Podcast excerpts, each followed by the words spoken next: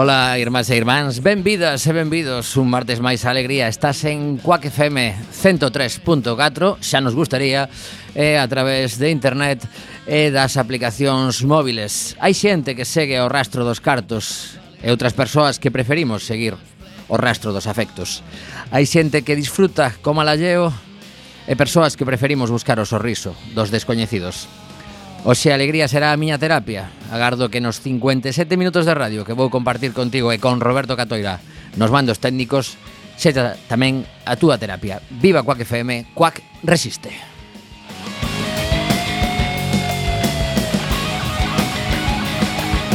Hoxe vai ser un programa diferente, xa vos digo que teño gañas de compartir cousas que me evadan temporalmente do mundo. Semella que a esta mesma hora En Cataluña, o señor Puigdemont comeza un acto bastante importante para o futuro da humanidade. Semella que onte estivemos varios compañeiros e compañeiras de Coac FM no pleno municipal da Coruña e ali escoitamos como uns grupos políticos eh, defendían eh, pois ese dereito da cidadanía a comunicar que está recollido na Declaración Universal dos Dereitos Humanos e tamén na Constitución e outras persoas, un grupo político en concreto, pois decidía que era mellor tirar de argumentario e falar de cousas imposibles como por exemplo acadar unha licencia de radio comunitaria en Galicia nos últimos 21 anos e medio. Que vos parecería se na prensa diaria lésedes que o Partido Popular da Coruña reclama con tanto ahínco unha licencia de FM para Coac FM como reclama axilidade nas licencias urbanísticas para os promotores da cidade. Caramba, que boa pregunta, eh? Pois aí queda. Ben, comezamos hoxe escoitando unha canción que fala precisamente disto. Money, That's All I Want. Este obo de Buddy Guy, un bluesman que, como moitos outros negros e americanos, pasaron moita fame ata que a súa música lles deu de comer.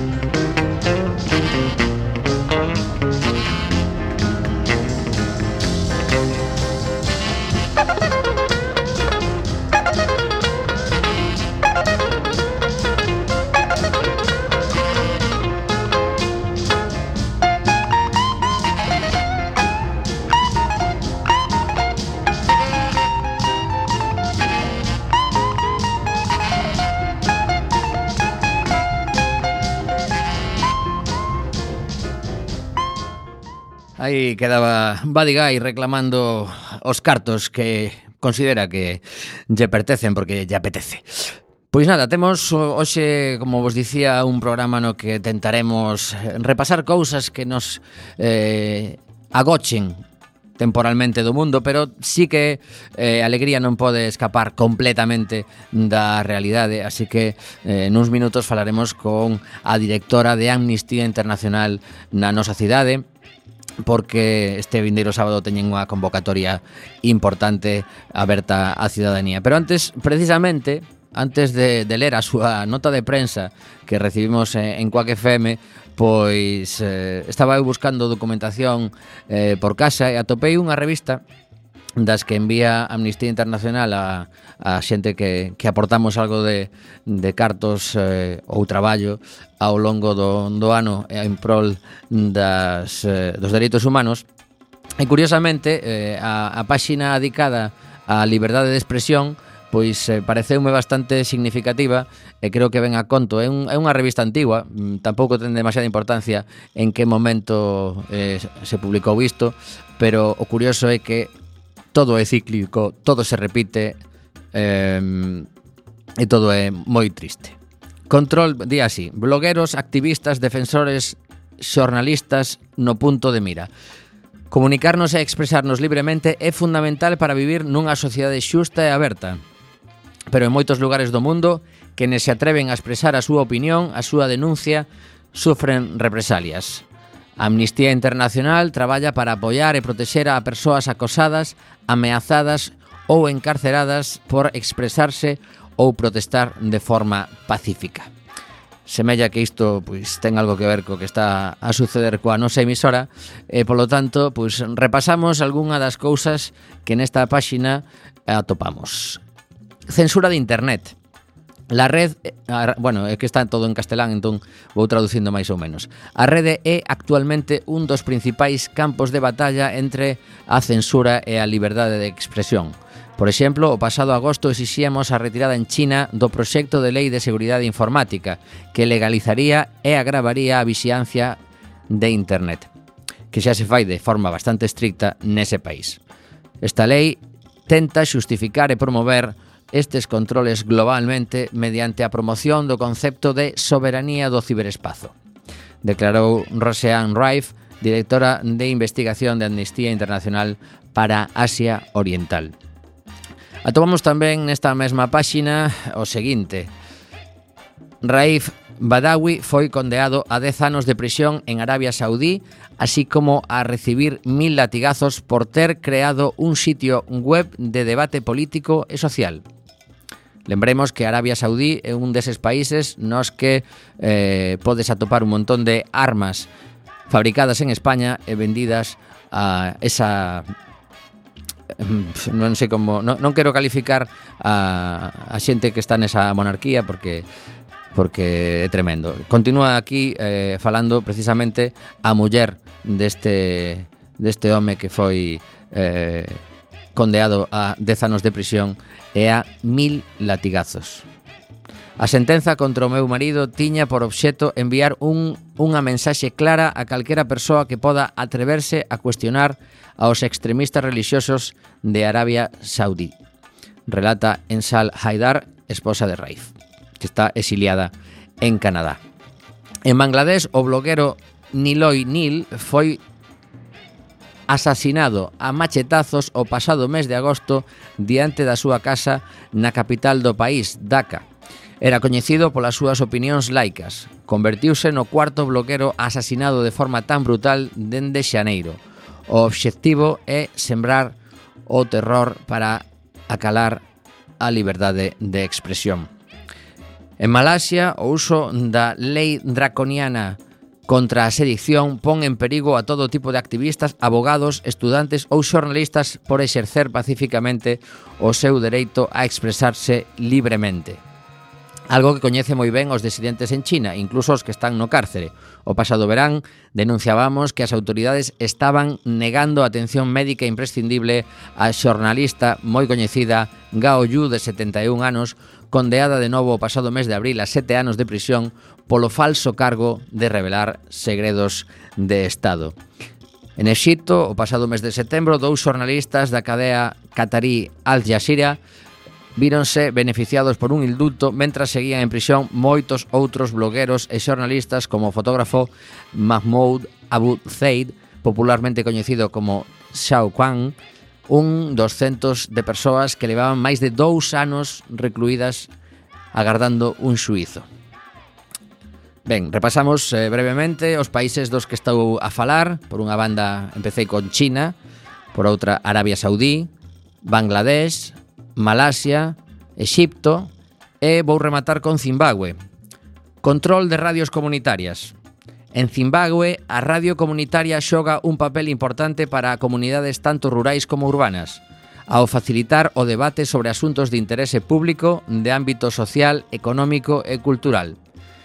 Nembargantes hai menos hai polo menos 28 iniciativas de radios comunitarias independentes agardando a que se lles conceda unha licencia, algo que ninguén conseguiu nos últimos 14 anos. O goberno trata de controlar as radios comunitarias para manipular a poboación e só concede licencias a grupos afíns. Quenes teñen intentado organizar servizos independentes foron detidos atacados polo mero feito de tratar de educar, informar e ofrecer plataformas de debate. Estou a falar de Zimbabue. Podedes extrapolar. Alegría, 8-14 minutos, Cuac FM 103.4. Escoitamos ao bo de José Le Santiago, co que estiven o pasado xoves, tocou En FNAC veu a presentar o seu último traballo discográfico titulado Transilvania. Tiven a ocasión de falar con el uns minutos durante a sinatura de discos. Conteille a situación de Quack FM e díxome que chamádeme para o que sexa, eu veño a tocar, me pagades uns pinchos, unha tortilla, e eu veño. Grazas, Josele. El Bosque, Josele Santiago.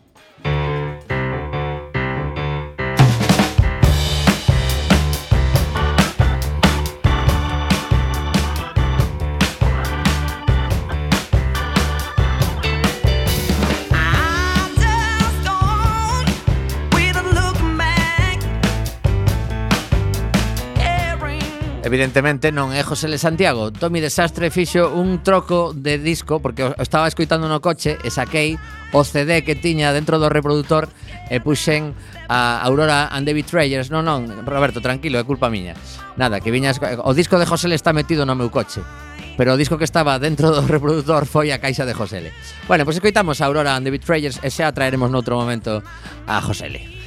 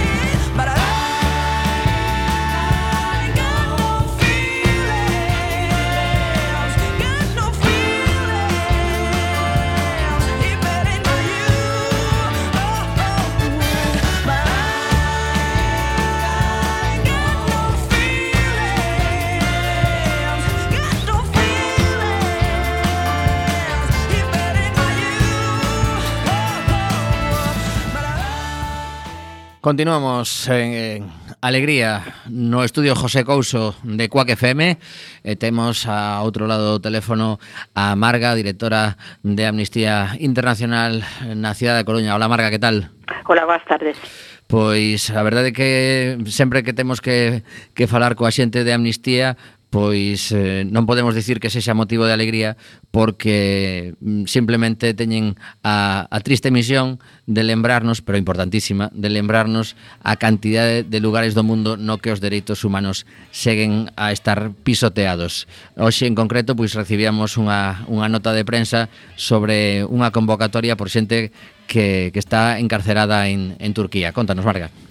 Ah, pois sí, ademais a, a nos eh, atínsenes, bueno, de forma especial porque están encarcerados en Turquía eh, Idi Lesser, a directora, e Taner Kilik, o presidente da Amnistía Internacional, xunto eh, con, son en total 11 defensores con membros de outras ONGs que tamén están encarcerados pois simplemente por pretender eh, defender os, os dereitos humanos. No? Eh, precisamente o, o acto do, do sábado si queres che con todo o acto Ujú. e despois xa me preguntas Vale, sí, vamos a centrar a xente para que saiba a onde vai ter que ir se, ten tempo e, e, e pode, pois, eh, polo menos aportar esa presenza que tamén é importante. Efectivamente, pois mirade, quen teña sensibilidade eh, polos problemas de, de Turquía, ¿no? Eh, esta muller foi encarcerada exclusivamente Idi Lesser por ser a directora de Amnistía Internacional. con argumentación falsa se lle acusa xunto cos outros defensores de delitos de terrorismo, cousa que non son en absoluto, non? de delitos de terrorismo, como se acusaron ao longo deste ano a 40.000 persoas en Turquía mm, acusáronse de ser seguidoras do clérigo Fetullah Ela simplemente estaba tendo o 6 de xullo, cando arrestaron unha reunión de traballo. Entonces, eh, Amnistía agora o que quere mm, chamar a atención de toda a sociedade polos dereitos humanos. Cada vez é máis difícil sensibilizar. Non sei se que todos estamos xa como un pouco inmunes. Entonces, a cuestión é que o día 14 é o aniversario, cumpre anos e Dilesser. E queremos aproveitar para poñer no foco, en concreto da sociedade da Coruña, é a terrible situación de dereitos humanos en Turquía. Pois é fácil, vanse a Praza de Pontevedra, de doce e media a dúas. Aí estaremos recollendo sinaturas por Idel Esser, por Tanner e polos outros de defensores de dereitos humanos, ademais tamén, e aí é o máis así especial, eh, a xente que veña poderá mandarlle tarxetas de dereitos humanos. Ajá. E logo tamén, dentro desa felicitación, e, e aí te, teremos, como toda festa de aniversario que se prece, unha torta, unha tarta de aniversario, ¿no? que ofreceremos ás persoas eh, asistentes. Están podendo comunicarse co exterior estas persoas que están encarceladas? Eh, eh, agora mm, di, di, difícil, o sea, os investigadores mm, de Amnistía Internacional eh, a, eh, máis que máis que por elas directamente están pois por la prensa dese país e por investigadores que teñen eh, na propia Turquía, ¿no? porque agora mm, fluctuaron, o sea, hubo momentos, os primeiros días que estiveron eh, totalmente incomunicados. Logo, eh, contaban con que sí, que se pudieran mm, comunicar cos seus familiares. Despois mm, volveron a estar eh, outra vez eh, outra vez incomunicados, ¿no? E é unha situación que, que fluctúa. Non che quero mentir, pero aí mm, fluctúa. Levan desde, ela leva encarcerada desde o 6 de xullo e fluctúa. Pero, bueno, de todas formas, a Amnistía Internacional o que fai, se non é as vítimas directamente, pois lle mandará estas felicitacións a, aos seus familiares, Ajá. a compañeros e compañeras de amnistía eh, que, non, que non están encarcerados, e esa, eh, digamos, é o que imos facer, ah, e sobre todo moi importante, non? Cantas máis persoas, algo que xa me esquecía, na Praza de Pontevedra, ademais desas sinaturas, das tarxetas de felicitación, teremos unha pancarta ca face ca cara de Idil e eh, nos faremos unha foto diante desa pancarta e entonces vai ser un agasallo que Amnistía te vai enviar a ela un álbum de fotos con persoas que desde toda de moitos países do mundo se queren solidarizar ca súa situación. E ademais aquí eh, A amnistía realmente é moi global e conectamos tamén o mundo das persoas eh, co mundo animal. Por unha razón, e este ano este acto fixemos unha novidade. Eh. Dirás tú, ¿eh, e que pintan as sociedades protectoras de animais nun acto de amnistía? Pois sí, señor, porque a, amnistía, a IDIL tiña unha relación moi especial con Pamuk, o seu gatiño. E entonces eh, distribuíronse, distribuímos cartaces polas sociedades protectoras de animales e nese cartaz hai un código Q que leva a página web de Amnistía onde se pode asinar pola, para pedir a liberdade de, de Idi Lesser e de os demais defensores de, de dereitos humanos, non? Uh -huh pero, a ver, non queremos justamente simplemente pormenorizar nesos 11 millóns de persoas, non, non. Nos acordamos de todas as persoas que en Turquía sofren violación de dereitos humanos, non? En nos 90.000 funcionarios e funcionarias que foron despedidos. E na, nos máis de 40.000 persoas que estiveron encarcerados seis meses, que se di pronto, os seis meses que durou o estado de excepción e algunhas delas torturadas, non? E, eh, e bueno, e vos dun medio de comunicación, cantos medios de comunicación non levan xa pechados en, en Turquía, non? E eh, cantas asociacións de dereitos humanos. Eu estou falando contigo desde casa, si sí, soy moi solidaria, pero digo que son de Amnistía Internacional e eh, é a, a xente di, ai, mira, pois que ven un activista de dereitos humanos, pero en Turquía eh, podría ser considerada unha, unha delincuente, non? e por iso que agradecemos moito aos medios que, que nos chamedes porque sensibilizar e alegría que dicías ti, como conectar a amnistía con alegría? Pois a alegría para nós é cada vez que unha persoa que vai aos nosos actos se sensibiliza e entra a formar parte de algunha organización de dereitos humanos, non? Esa é a nosa alegría. Pois sí, a verdade é que, que levades eh, moitísimos anos con con reivindicacións en, en todos os países do mundo. Eu antes de, de chamarte estaba estaba repasando unha revista antigua que eu recibo as, as vosas revistas na casa, eh, estábamos eh, falando sobre liberdade de expresión e eh, os, os países nos que se, se fala de, de falta de dereitos de, neste caso da, da liberdade de expresión eh, engadimos tamén a España que, que bueno, o mellor eh, pois, eh, no, no vindeiro informe temos que sair pola sanción a coa que FM, pero ímonos centrar nesta, nesta situación de Turquía porque realmente o, o goberno de Erdogan ata que punto está recibindo presión de organismos como a ONU e o resto dos países da Unión Europea porque realmente eh, estas barbaridades que, que estás comentando e que sí que foron pues, bastante mediáticas no seu momento, eh, agora parece que como todos estamos super ocupados con cousas como pois eh, aquí en España co tema catalán, noutros sitios con eleccións que teñen, pois realmente o que está o que continúa sucedendo en Turquía xa quedou agochado.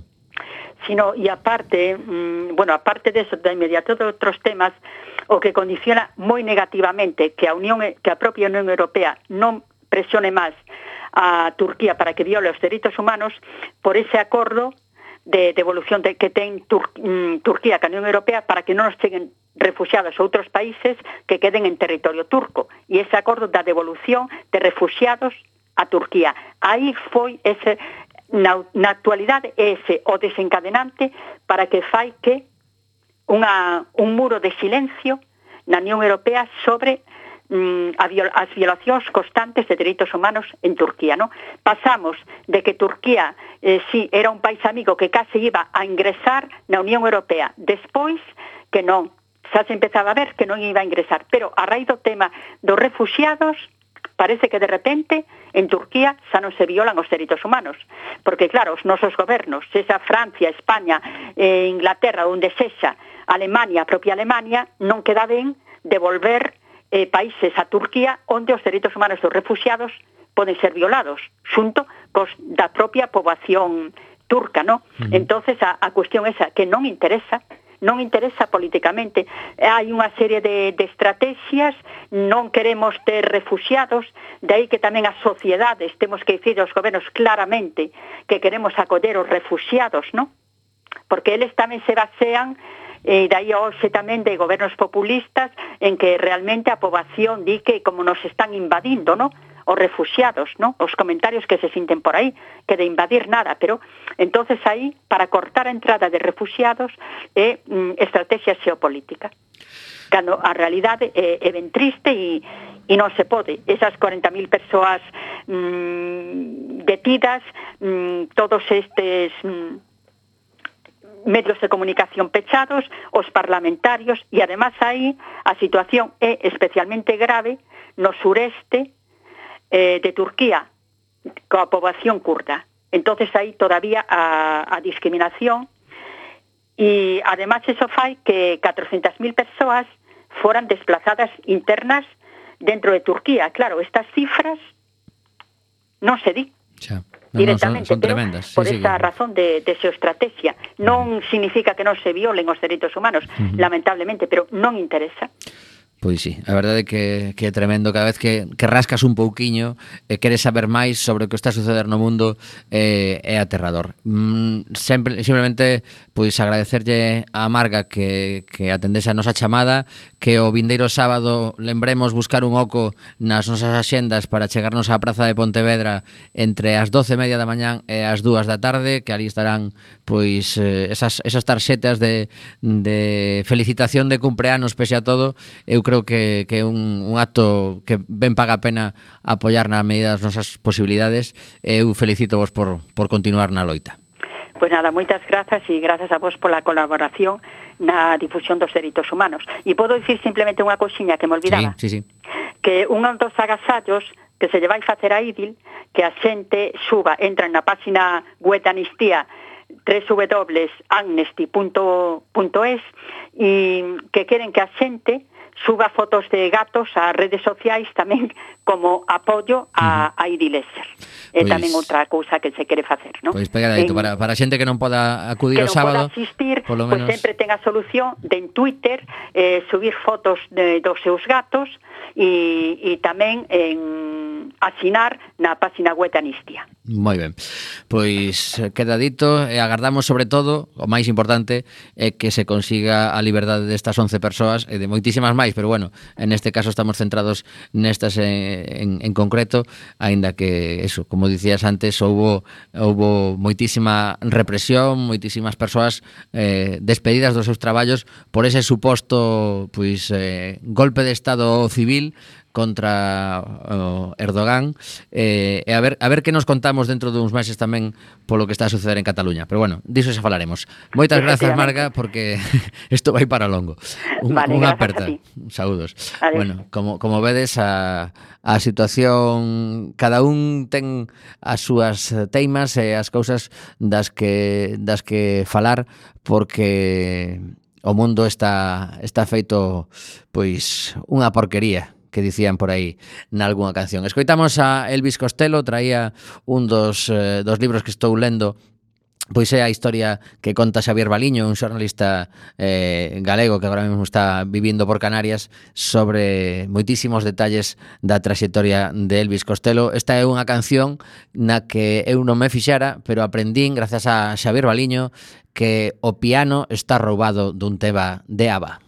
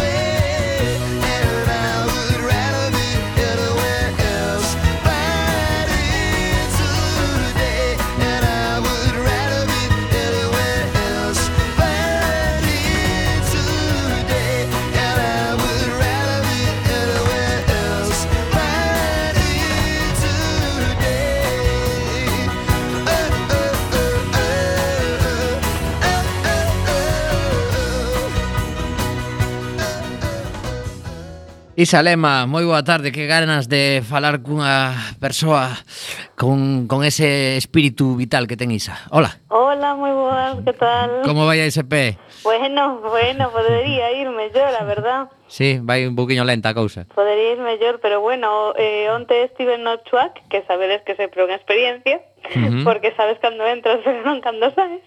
Bueno, como que levaches cronómetro? Levei cronómetro e teño que decir unha cousa, eh? Eh, teño que decir cousas boas respecto do, de como funciona o noso track e cousas non tan boas, pero onte eh, a verdade é que tiña unha cita ás 9 da mañá e creo que ás nove e media xa estaba saindo pola porta. Bueno, pues Co cal, eh, sí, sí, aí ben, isto compensa as 5 horas que tiven que esperar en urgencias cando me esnaquicei o pé, pero bueno. Pues nada. Bueno, pois pues nada, onte me dixeron aí os traumatólogos que en tres semanas me quitan a Escayola. Así que en tres semanas, o día 30 de outubro, concretamente, pues, xa intentarei eh, poñer pena rúa e pena emisora, claro que uh -huh. sí. Pois pues vai preparando esa, esa muleta, porque realmente os primeiros días... Vou días... como papa, tío, vou eh... bicar o chan ou algo. pues que mo limpen primeiro, non? Sí, no, sí, pero... e, e despaciño, eh? non te nos tires que despois temos disgustos. Sí, non, non estou para...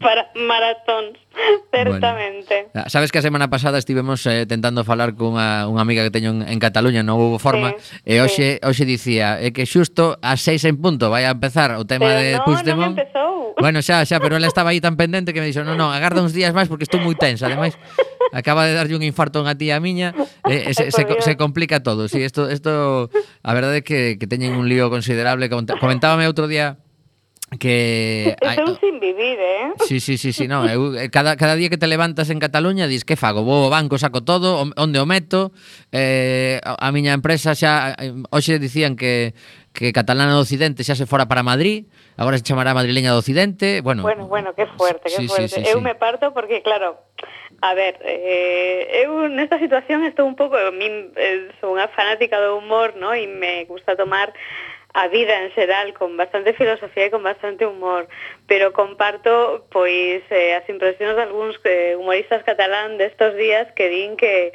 que vamos, que facer humor con determinadas eh, cuestións como tan graves e tan trascendentes como isto é moi complexo, non? E que hai que aplicar de cordura. Bueno, pois pues, eu, de verdade que últimamente xa o tomamos de coña ou non o tomamos, pero que eh, está absolutamente todo o mundo ansioso, hoxe se escoitabas os medios de comunicación das 4 da tarde ata as 6, todo o mundo absolutamente expectante con que, que iba que decir Puigdemont neste pleno, etcétera, e cando de repente eh, o presidente da Generalitat pide eh, un aprazamento ata as sete da tarde empezan a filtrarse cousas como que non pode sair porque está a falar coas institucións europeas, etcétera, etcétera, e que todo o mundo está frenético, pero que non me extraña. Sí, sí, sí, esto... Bueno, pois pues en medio de todo isto, que saia a Xunta de Galicia e diga que os estudiantes que están en Cataluña que volvan para as súas casas. Bueno, en serio. Como, como, como, que eso, eso non me enterei. Eu, eu estaba aquí, tiña unha nova para comentar a nivel local que, que quero que fagamos unha pequena reflexión ao respecto, sí. pero pero antes diso, con, contame dos estudantes porque agora estou preocupado. Bueno, no, a ver, vamos a ver, é que esto, no, en serio que parece eh, parece como de coña, ¿no? Pero resulta que hubo uns comunicados da Xunta de Galicia, creo que o Lingose em, eh, en pública, se non se non lembro mal, eh, dicindo, bueno, recomendando aos estudantes galegos que están estudando en Cataluña, bueno, que ao mellor teñen que pensar en volver, porque claro, eh, agora, se si a partir deste momento pues, hai un conflicto e hai unha situación de conflicto, bueno, pues, que non deberían estar en, en Cataluña, ¿no? Ai, bueno, eu, eu pensei que era por un tema de que non lles ian convalidar os estudos. Hombre, bueno, a ver, estamos un pouco de coña, non? Que estamos en Europa, que isto é un rollo europeo, eh, non, non, isto non é así, non?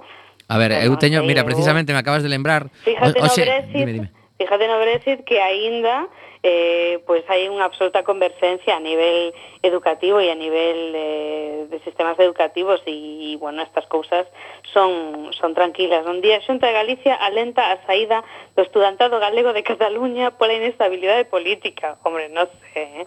eu creo que Pois mira, eh, dicía, do curso. dicíache que temos xusto unha... A, ver, una... a Xunta facilitará os trámites de traslado de expediente daqueles alumnos galegos residentes en Cataluña. Bueno, claro, é que estamos en, en outubro, ¿no? Aí só un mes. Pero Bueno. en serio. Dicía eu que teño precisamente unha, unha, unha moza galega que, que fixo as prácticas na, na empresa, que por certo hoxe Mariano Maiseu estamos a celebrar 18 anos de, de 10 de 10 a nosa empresa. Ai, enhoraboa. Eh, sí, sí. Estás eh, pasa que está claro, ¿eh? como outro, como outro está nos estranxeiros, pois pues, eh, non, non nos abrazamos, pero bueno, mandolle unha aperta a, a Mariano e a Bea, eh, eh, aí so, sobrevivimos. E dicía que xusto a, a moza esta que se chama Cristina, pois fixo as prácticas na nosa empresa despois de facer o máster de xestión cultural da Universidade de Santiago de Compostela e ampliando estudos foise agora mesmo en setembro para Cataluña a facer outro máster. Así que eu creo que a vindeira semana, se si temos un pouco de sorte, facemos dúas conexións con Cataluña a ver como está vivindo esa estudante galega eh, preocupada polo seu título se se compadilla ou non na Unión Europea e a outra que leva ali moitos anos porque é catalana. Sería unha, unha cousa chula. Eh, de, eh, de feito podemos facer a chamada simultánea a ver como como viven as dúas eh pois dende dende o seu punto de vista o que está a suceder por ali. Pero deixame comentar o que o que quería a nivel local porque esta mañá houbo unha xuntanza entre o presidente Alberto Núñez Feijóo, que non sabemos que tal lle vai como pai, e o presidente de Portos do Estado porque decidiron que tiñan que xuntarse entre eles sen falar co, co Concello da Coruña, por exemplo, nin siquiera co presidente de Portos da Coruña para eh, non vender a Solana e os muelles de batería e Calvo Sotelo, pero parece ser que sí está previsto polo menos foi o que falaron entre eles, vender San Diego para construir ali vivendas. Eh, o alcalde da Coruña acusou a ambas institucións de falta de lealdade por non contar co Concello para esta xuntanza. Hombre, estaría ben que alguén falara con alguén do Concello. Tendo en conta que toman decisión sobre o que pasa no noso Concello, pois bueno, estaría ben, ¿no? Pero, Bueno, así en co- a- a lo mellor un detalle era, o que pasa que como estes- normal, así que, bueno, Sí, pues, sí, sí. Isto de ter institucións que non son capaces de, de falar co outro porque consideran que hai que apuntarse un tanto que de rebote lle, lle beneficie, neste caso, a, entendo que a Beatriz Mato, supoño que sería a beneficiada como candidata á alcaldía por parte deste partido, pois eh, realmente socialmente, mm, institucionalmente... No, mm, bueno, de la, a, tería da, que haber protocolos para que estas cousas non sucedan. O da lealdade institucional, ainda, se, ainda que sexa solo para as formas, o da lealdade institucional brilla pola súa ausencia, eh? Pois sí. O sea, que logo din, ai, que desleales uns que non sei que jo anda que ti. Pois sí. Eh, Chegas á nosa cidade, reúneste co tipo de portos do Estado, na nosa cidade, sin reunirte co alcalde nin co presidente de Portos da Coruña, que somos aquí. É que só so, so, so lles faltou mexar por nós, que, que diría que diría alguén por aí. Sí, que diría, que diría Castelao, ¿no? No, Sí, pero, sí. a ver, reunidonse para tomar decisión sobre un espacio que, que é importante para a cidade da Coruña e que además a ciudadanía así se manifestou. Si quedaran para reunirse para tomar café e falar, pois, non sei, do Partido Popular e, e da trama Gürtel e de como vai a salir todo sarao na Audiencia Nacional, bueno, pois vale, pois entendería que non chamara ao alcalde da cidade, non? Pero, home, xustamente, quedaba para falar os torreos do Porto. Pois non sei, igual uh -huh. se si quedan para falar dos terreos do Porto Exterior terían que chamar ao Concello de Arteixo, non? Digo, porque están ali, sí, sí. non por nada. Mira que curioso que o, o señor Llorca, que o José Llorca, que é o presidente de Portos do Estado, eh, di aquí a Nova, neste caso teño a, la opinión, a pesar de que Llorca non chegou a intervir na comparecencia entre os medios de comunicación, é bonito. O sea, ti saes de, de Home Floreiro ao lado de, de Alberto e dis, Alberto, lúcete ti, lúcete ti que que vas a apuntar un tanto. E eh, dentro de uns días, en concreto día 24 deste mes, ten a famosa xuntanza que levamos un montón de tempo agardando a xente que estivemos pendentes deste tema entre eh, Portos do Estado e, e o alcalde da cidade. Pero bueno, é curioso como atopou un oco na súa xenda para falar coa xunta pero non con, con quen teña solicitado no seu momento este tema. Pero bueno, aparcamos temporalmente isto porque tamén lle quería preguntar a Isa por esas eh, eleccións primarias do Partido Socialista Galego eh, e supoño que, que algo nos, nos podes comentar. Pois, pues, non sei moi ben que che podo comentar eu Algo algo eh, sobre Abel eh, o seu Non sobre Caballero Ca Junior, Caballero, bueno, sí, pero o que o que o que chamou un pouco a atención foi esa esa declaración de Abel Caballero dicindo, bueno, mm, como xa saben vostedes, eh, como hai certos vínculos, agardo falar con el antes de Nadal, unha cousa así simpática, antes antes da cea de Nadal, ¿no? algo así. Sí. Algo así, ¿no? Bueno, a ver, é que entre tío e, e sobrinho eh, público e notorio que, que non teñen unha boa relación, é dicir, que se levan moi, moi mal. E, E sabemos por qué? ademais, Sabemos eh, a santo de que? Hai ese pique. Ti tes idea ou non? Pois, eh, bueno, aí non sei se hai cuestións persoais detrás, o que sí que sei hai cuestións políticas, non? Porque eh, Caballero, Gonzalo Caballero, eh, foi unha persoa que dende hai moitísimos anos, pero estou falando pois de aí 15 anos ou algo así, eh, lle viña disputando absolutamente todas as asambleas que tiña que tiña eh, Vigo, que tiña agrupación social eh, socialista de Vigo, quero decir, pois cando se presenta, eu que sei, pois eh, unha candidatura, unha lista de delegados e delegadas a un congreso galego, un congreso estatal, etcétera, bueno, pois pues Gonzalo Caballero sempre era como un presentaba como unha alternativa, non? A, a vía oficial que representa un pouco o seu tío. Entón, pois realmente sí que había sí que facía unha oposición interna eh, importante, non? E eso, bueno, pois a unha persoa eh, coas características eh, bueno, co carácter de, de Abel Caballero, non? Que, que, que un tipo pois que presume sempre de tener Vigo dominado e de ter a súa agrupación controlada e tal, pois que xusto o seu sobrinho lle saia eh, como voz crítica, eh, pois eh, creo que lle generaba bastante bastante disgusto, ¿no? Vamos uh -huh. a deixalo ali e creo que esta situación pois pues, en enquistou e se foi enquistando bastante con bastante tempo porque lembro que Gonzalo Caballero se presentara xa hai bastante tempo, de feito, como candidato a Pachi Vázquez cando Pachi se presentara a, a secretario xeral da Xunta de Galicia, a secretario xeral do PSD bueno, e a candidato da Xunta e demais, al caballero, eh, perdón, Gonzalo pois eh, se presentara tamén como alternativa, non conseguira os votos necesarios e creo que ni sequera conseguidos abais, pero bueno, digamos que é un tipo que eu non o coñezo personalmente, pero que é un tipo que, que sempre foi unha voz crítica dentro da súa propia agrupación e dentro de Pontevedra e logo a nivel galego e que parece que a que la que la sigue la consigue, non? O, sí, o que pasa que, algo así que tamén de alguna forma eu entendo que, que Villoslada mm, polo menos puxeran riba da mesa que a xogada de pactar unha vez que que se conseguiran primeira no, no inicio os avais por separado, sí. pois de algunha forma é un pouco mm, é como xogar a cambiar as normas polo partido, polo medio do partido. Ah, bueno, pero eso é outra cousa, non? Sí, sí, sí, pero, non pero bueno. Decir o de, o de Abel Caballero. De que no, non, xa, xa, pero estou, estou retomando un mm. pouco a, a, as eleccións do pasado domingo, que, que gañou en casi todos os sitios, ganou Caballero, pero claro, hai que dicir que, que ali, alianza con Leiceaga... Eh, claro, claro, que hai moita xente que avalou a Leiceaga e eh, que ao final pois pues, si quería manter o seu o seu apoio, pois pues, estaba votando a Caballero un pouco de rebote.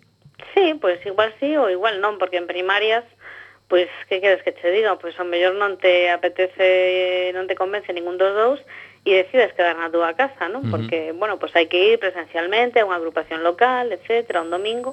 Entón, bueno, non, non, non teño moi claro exactamente. O, o que sí, non seguín demasiado eh, o tema das primarias galegas, pero sí que creo que foi unha campaña bastante discreta, non?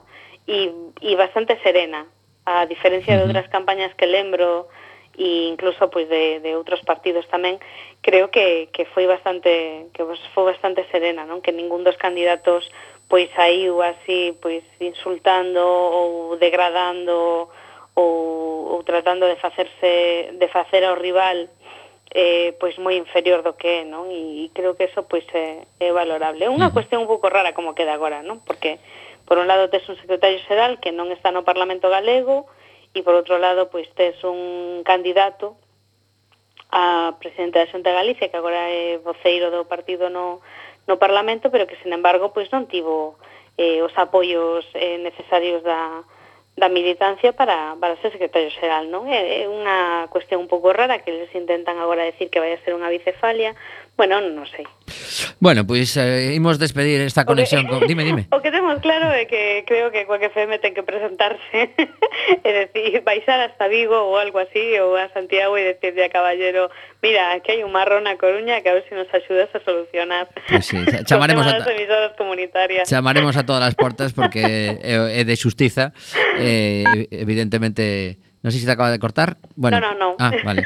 bueno, pois pues agora sí que despedimos a Isa porque imos eh, cos últimos minutos do programa trouxen eh, como, como homenaxe a, a Mariano eh, aos anos que levamos xuntos un dos libros que tiñamos de, de cabeceira no primeiro programa que fixemos xuntos Mariano Maiseu, que se chamaba O lado escuro do grazón, era o noso escritor de, de cabeceira era Mario Benedetti. Así que imos a escoitar un par de minutos eh, de música eh, para rematar o programa un conto bastante breve, pero que pode facer reflexionar a alguén de Mario Benedetti. Gracias, Isa. Apertas de Vicos. Sorte ese día 30 e antes seguimos falando. Vicos, chao, chao.